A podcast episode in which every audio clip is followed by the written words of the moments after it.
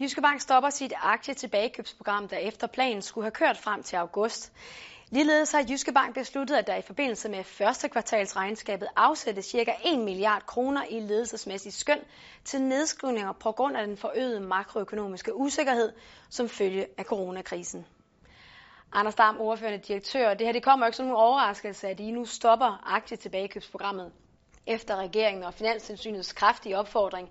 Men vil du ikke lige prøve at uddybe, hvad er det ellers, der ligger bag jeres beslutning? Jo, vi havde faktisk diskussionen inden fælleserklæringen mellem regeringen og Finans Danmark kom ud den 23. marts. Og så havde vi fastsat et bestyrelsesmøde her ultimo øh, måneden, og der diskuterede vi det, og der var indstillingen fra direktionen til bestyrelsen, at vi i overensstemmelse med den erklæring stopper vores aktietilbagekøbsprogram. Og det har så den konsekvens, når vi stopper det, at øh, de resterende godt 400 øh, millioner kroner, jamen de kan medregnes i vores solvens øh, ved udgangen af det her kvartal. Og Jyske Bank afsætter jo så 1 milliard kroner til coronanedskrivninger. Vil du ikke uddybe det her ledelsesmæssige skøn på 1 milliard kroner? Er det tab, I allerede kan konstatere, eller er det noget, I med sikkerhed kan konstatere som potentielle tab, eller hvordan er det, I når frem til det her beløb? Jamen, det er således, at Jyske Banks kreditportefølje har udviklet sig særdeles gunstigt over de sidste fem år og et kvartal. Øh, de sidste fem kalenderår, der har vi i gennemsnit øh, kun nedskrevet øh, 22 millioner kroner om året. Og her for første kvartal, der er nedskrivningen cirka 0. Men det er klart, når vi kigger ind i det her makroøkonomiske uvær, som følger af covid-19-påvirkningen, så skønner vi, at for hver måned Danmark har lukket, der, eller lukket ned, der falder den reelle produktion i Danmark med cirka 3 procent. Og selvom der kommer en finansiel øh, kompensation med en eller anden forsinkelse, så kan det næppe undgå at påføre os øh, forøget tab. Og der siger vi bare, at det har vi indsigt i, at det vil det gøre.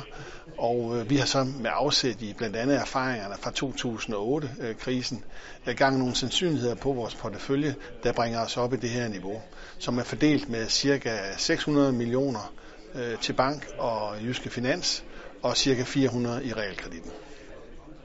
Men det er jo penge, vi ikke håber at få brug for alle sammen, men så er vi i hvert fald polstret til den umiddelbare nære virkelighed.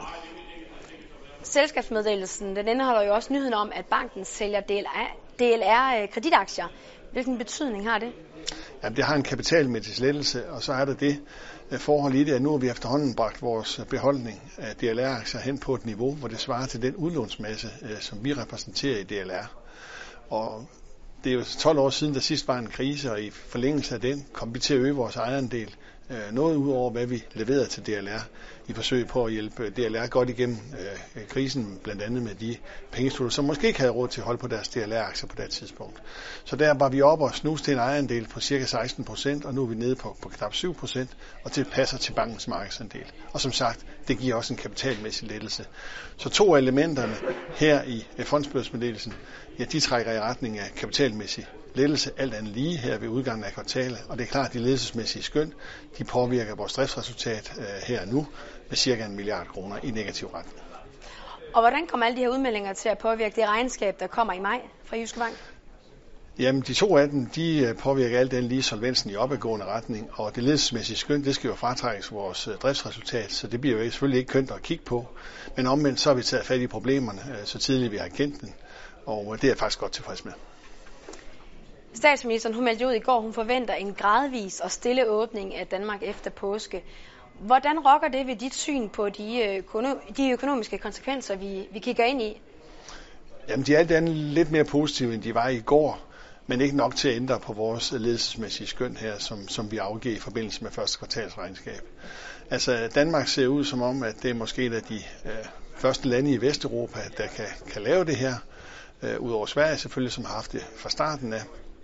Men det, der kan være bekymring, det er, at vi vågner op i mere eller mindre en osteklokke, hvor vi er home safe, mens resten af områderne i Vesteuropa stadigvæk er lukket ned, og derfor vil det påvirke den, øh, den makroøkonomiske situation, og dermed også med en vis sandsynlighed påføre os øh, forøget tab. Ja, hvor godt, hvor godt øh, polstret er Jyske Bank, vurderer du, til at komme igennem den her krise?